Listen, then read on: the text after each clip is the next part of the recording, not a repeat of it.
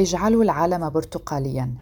تمويل استجابة منع جمع هذا كان شعار حملة مناهضة العنف ضد المرأة لعام 2020 في حملة دولية لتحدي العنف ضد النساء والفتيات تستمر لمدة 16 يوما تقام خلالها نشاطات مختلفة داعمة للنساء. هذا ما ذكرناه لكم في الحلقة السابقة التي أعددناها حول هذا الموضوع. وعلى اعتبار النشاطات تستمر لستة عشر يوما قررنا التوسع وإعداد المزيد من الحلقات لتغطية أوسع القطاعات الداعمة للمرأة. فأهلا بكم في حلقة جديدة من بودكاست في عشرين دقيقة. اليوم الدولي للقضاء على العنف ضد النساء والفتيات. اليوم سنحكي لكم من أين بدأت القصة. القصة بدأت مع ثلاث أخوات باتريسيا وماريا وأنطونيا من عائلة ميرابال وكن ناشطات في المجال السياسي وكان والدهن رجل أعمال ناجح وعشن حياة الطبقة الميسورة المستقرة. لكن تعرضت الأخوات ميرابال لعملية اغتيال وحشية في الخامس والعشرين من نوفمبر تشرين الثاني عام 1960 في جمهورية الدومينيكان بأوامر من حاكمها في ذلك الوقت رافائيل تروخيلو بسبب معارضتهن لنظام الحكم القائم.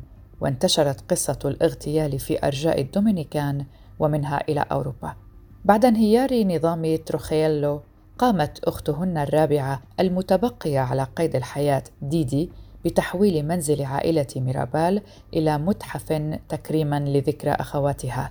وصدر عدد من الكتب وعدد من الأفلام الوثائقية والسينمائية التي تناولت قصة الفتيات الثلاثة وحادثة اغتيالهن في العام 1999 قررت الجمعية العامة للأمم المتحدة تخليد ذكرهن من خلال الاحتفال سنويا باليوم الدولي للقضاء على العنف ضد المرأة بالتزامن مع يوم وفاتهن.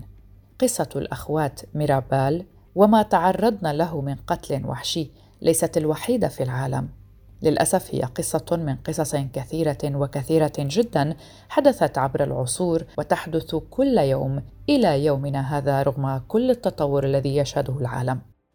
قصص كثيرة عن العنف الذي يطبق على نساء في مجتمعات مختلفة واعتبارهن الحلقة الأضعف المسيطر عليها. حتى أن تعنيف المرأة في بعض المجتمعات كان سببا رئيسا للوفاة أو التشوه أو العجز أو حرمان من القدرة على الإنجاب. عام 1993 أصدرت الأمم المتحدة تعريفا دوليا للعنف ضد المرأة. يمكنكم الرجوع والاستماع إلى الحلقة رقم 154 من هذا البودكاست في 20 دقيقة للاستماع للتعريف الذي استفدنا في الحديث عنه وعن معناه بالتفصيل. في معظم الدول وعلى مدار العام توجد مراكز وجمعيات خاصة وحكومية تابعة رسميا لمديريات ووزارات الدولة، تعمل جميعها على دعم المرأة حسب حاجتها في مجتمعها ومحيطها، وتعمل على إنقاذ ومعالجة النساء المعنفات. تتكثف هذه النشاطات خاصة خلال حملة الستة عشر يوما لمناهضة العنف ضد المرأة. سنضيء خلال حلقتنا على بعض هذه النشاطات كأمثلة. سنبدأ من مصر. في مصر تمت إضاءة إهرامات الجيزة وأبو الهول باللون البرتقالي والذي هو لون الحملة لهذا العام ومن ضمن إطار تنفيذ استراتيجية مصر ل 2030 وضعت استراتيجية تهدف إلى تمكين المرأة في محاورها الأربعة التمكين السياسي والتمكين الاجتماعي والتمكين الاقتصادي والحماية. وقامت مديرية الشباب والرياضة بتدريب الفتيات على الدفاع عن أنفسهن ضد التحرش عن طريق التدريب الرياضي. كما قامت مديرية التضامن الاجتماعي بعمل دراسة للأشكال المختلفة للعنف ضد المرأة حسب طبيعة المكان ريف أو مدينة ووضع الحلول المناسبة لها. في الإمارات تضامنا مع شعار العلم البرتقالي تم إضاءة برواز دبي أو دبي فريم وهو أحد معالم مدينة دبي. تم إضاءته باللون البرتقالي تضامنا مع النساء والفتيات في جميع أنحاء العالم. بالإضافة إلى إطلاق حملة الستة عشر يوما لمناهضة العنف القائم على النوع الاجتماعي بالتعاون مع مجلس التعاون الخليجي والاتحاد النسائي العام الذي دعا إلى توحيد الجهود لمواجهة الجائحة المستترة ومناهضة العنف ضد النساء والفتيات ودعم الناجيات.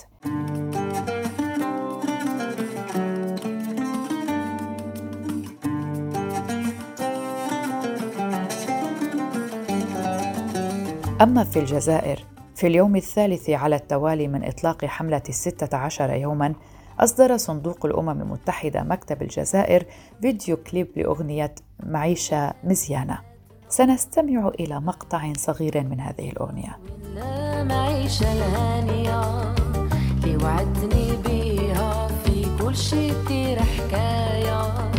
معك ما تكون في المغرب انطلقت حملة هذه السنة تحت الهاشتاج الرسمي نكشفوا على العنف. تهدف إلى الكشف عن النساء الأكثر هشاشة خاصة اللواتي يتعرضن لأشكال متداخلة من التمييز واللامساواة من نساء قرويات ومهاجرات ولاجئات وذوي إعاقة ومسنات وأمهات عازبات ونساء مصابات بداء فقدان المناعة المكتسب. تونس كانت أيضا من البلدان المنضمة للحملة. معنا مشاركة من شابة من تونس. أحبت أن تطلعنا على نشاط مركزهم في إطار حملة الستة عشر يوماً. أنا معكم ريم من تونس. اليوم حبيت نشارك معكم تجربتنا كمركز لإيواء النساء ضحايا العنف. آه هذا المركز يدعى مركز أروى القيروانية.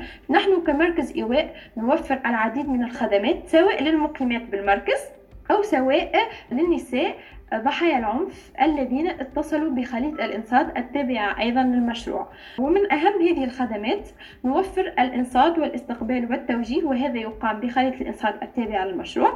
أيضا نوفر الإحاطة النفسية الإحاطة الاجتماعية الإحاطة القانونية والإحاطة الصحية. كما نوفر أيضا فرصة عمل أو فرصة تكوين في عديد الاختصاصات والمجالات. هذا بالإضافة إلى الإيواء وهو أساس عملنا. آه، وكل سنة في إطار حملة 16 يوم لمناهضة العنف ضد المرأة نقوم بالعديد من الأنشطة التحسيسية آه، في هذه السنة وبالتداول مع مشروعنا الجديد كوفيت ضد العنف في تونس. قمنا بعديد الورشات من أهمها قمنا بإعداد حصص معالجة نفسية للنساء ضحايا العنف. لعدد معين من النساء ضحايا العنف بالاتحاد الجهوي للمرأة بالقيروان. كما قمنا بلجنة تنسيقية شملت مختلف الفئات المتعاونة مع المشروع. من أمن والصحة هذه اللجنة التنسيقية كان هدفها استخراج جل الخدمات التي يمكن اتباعها خلال فترات الأزمات مثل فترة كوفيد 2019 وذلك لمساعدة وللتعهد بالنساء ضحايا العنف في فترة الأزمات. في سوريا حملة صوتك مسموع. أطلقها فريق ميدوز الطبي تضامنا مع حملة الستة عشر يوما. يمكنكم التعرف أكثر على فريق ميدوز من خلال بودكاست كورونا وتحديدا الحلقة 91 الآن سنتحدث أكثر عن النشاط الذي عملوا عليه تضامنا مع حملة الستة عشر يوما. معنا مشاركة من بشرى ناصر من فريق ميدوز الطبي لتعرفنا على هذه الحملة أكثر. حملة صوتك مسموع هي حملة أطلقها فريق ميدوز الطبي تضامنا مع حملة 16 يوم لمناهضة العنف القائم على النوع الاجتماعي. آه، لأنه نحن كأطباء بنآمن إنه الصحة النفسية لا يمكن فصلها عن الصحة الجسدية والإنسان السليم هو اللي بيكون إنسان سليم يعني جسديا ونفسيا.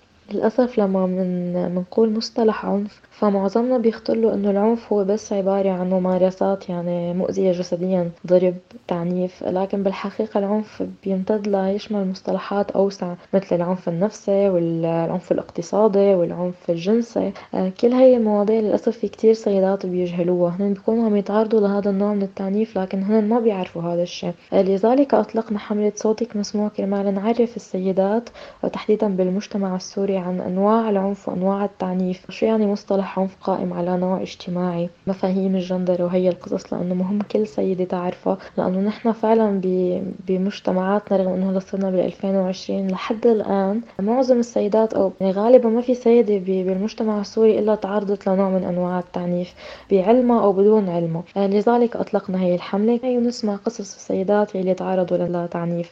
آه، خصصنا رقم للحملة كرمال السيدات والصبايا يتواصلوا معنا يخبرونا قصصهم ونحن بدورنا رح نقدم لهم مساعدة نفسية بوجود مختصين بهذا الموضوع وننشر قصصهم بحيث آه، نخلي السيدات تشارك قصصها مع بعضها. يمكن نحن لما بنسمع قصة سيدة ونشوف كيف تعاملت مع الموضوع ممكن نحن نكون عم نمر بذات الموقف يتشكل عنا إرادة إنه نحن كمان بدنا نحكي. بالحديث عن العنف ودعم المرأة للتخلص منه لا يمكن الوقوف عند الشعارات فحسب. لابد من الحديث عن طرق حماية وهذا ما سنته قوانين كثيرة في دول مختلفة. في الجانب القانوني لدينا مشاركة من المحامي رامي الخير وهو محامي سوري أيضا من فريق مدوز يتحدث عن بعض القوانين السورية.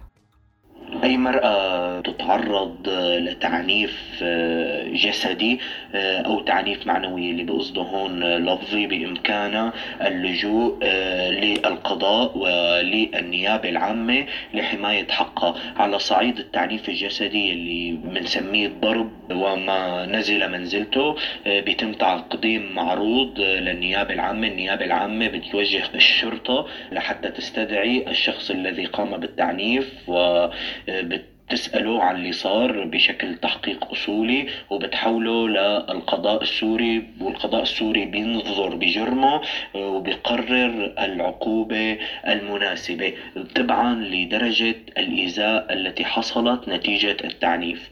عدا عن هيك ببعض الحالات بتكون النيابة العامة واللي هي بتمثل المجتمع خصم ضد الشخص الذي قام بالتعنيف وبترفع عليه دعوة تسمى دعوة الحق العام بالإضافة إلى جانب دعوة الحق الشخصي يلي بترفعها السيدة التي تعرضت للتعنيف. على صعيد الإيذاء المعنوي يلي هو بيتم عن طريق اللفظ والحكي بإمكان الصبية اللي بتتعرض لهيك شيء اللجوء للقضاء السوري. تحديدا أمام محكمة بداية الجزاء ورفع دعوى قدح أو ذم أو تشهير. العقوبة فيها آه، لا أقل من ثلاثة أشهر. وتحصين حقوق المرأة ما بكفي وجود قانون بس لازم إلى جانب وجود القانون الوعي القانوني. عند الصبايا آه، بحقوقهم وشو لازم يعملوا وشو ما لازم يعملوا. يعني وهي المشكلة عم نواجهها بمجتمعنا ما كل السيدات والصبايا آه، عندهم الدراية الكافية بنصوص القانون. وعدا عن هيك إنه الزميلات المعنيات بحماية حقوق المرأة عددهم قليل قياسا للزملاء الشباب يلي بيعنوا بحماية حقوق المرأة.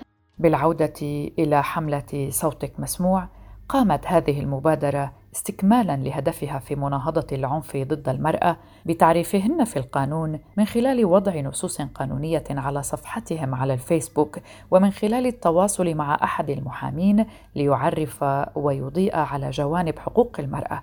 وبهذا الخصوص نستمع إلى تتمة مشاركة الشابة بشرى وأيضا إلى المحامي رامي الخير. أوقات ما بكفي إنه نحن بس نسمع المشكلة أو ننشر المشكلة. أوقات المشكلة بيكون فعلا بدها حل حقيقي. لذلك توسعت الحملة وصار في عنا شق قانوني للحملة. استلمه المحامي الأستاذ رامي هاني الخير. الأستاذ رامي صار معنا بالحملة كرمال السيدات اللي بيتواصلوا معنا فعلا قصص بحاجة تدخل قانوني أو السيدة هي فعلا بدها تعمل شيء حقيقي لتحل المشكلة فالأستاذ رامي رح يكون موجود معك كرمال يمشي بالقضية. طبعا من المواضيع اللي رح نتناولها بحملتنا انه نحن رح نعرف السيدات السوريات على القانون السوري اللي بيحميهم للأسف نحن كتير بنجهل القوانين اللي هي موجودة لتحمينا. ممكن مو بسبب انه نحن بنجهلها لكن هي فعلا معتمة. ممنوع إنه تنحكى وتوصل للسيدات. لذلك صار في عنا موضوع اسمه البث المباشر. يعني الأستاذ هاني رح يطلع معنا بأكثر من بث بأكثر من محور يحكي عن القوانين السورية الموجودة لحماية حماية المرأة. يعني نحن نفكر إنه عادي زوج يضرب زوجته. بالحقيقة لأ في قانون بيحميكي. في حال زوجك ضربك في قانون بيحميكي. في حال أهلك ضربوك بطريقة يعني بدك تشتكي في قانون ممكن يحميك. في حال أنت عم تتعرضي لابتزاز وتحرش إلكتروني للأسف في كتير من الصبايا وتحديدا بهي السنة بسوريا شهدنا أكثر من حالة انتحار لفتيات بسبب الابتزاز الإلكتروني. كتير من الصبايا بيجهلوا إنه في قانون بيحميك. لو يعني خلينا نحكي بمستوى الخطأ لو قد ما كان أنت عليك خطأ بس في قانون بيحميك. يعني في قانون هو معك بموضوع التحرش والابتزاز الإلكتروني. المشكلة إنه كتار من السيدات ما بيعرفوا وجود هي القوانين لذلك نحن أخذنا على عاتقنا مسؤولية إنه نحن رح نوصل هي القوانين لكل سيدة. كرمال كل قصة بتنسمع يكون خلص نحن راسمين الحل إنه نحن في عندي حل في قانون بياخذ لي حقي أنا ماني ضعيفة وماني موجودة لحالي.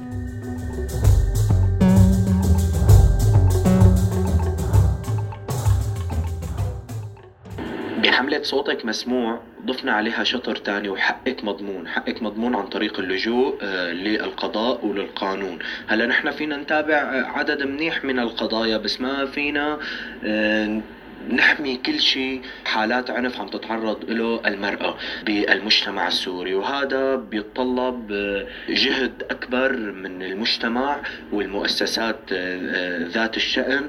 لحتى نقدر نحن نوصل لمجتمع سليم فيه المرأة ما عم تتعرض لعنف بشكل يومي مثل ما عم يصير ومثل ما عم نسمع بمجتمعنا السوري.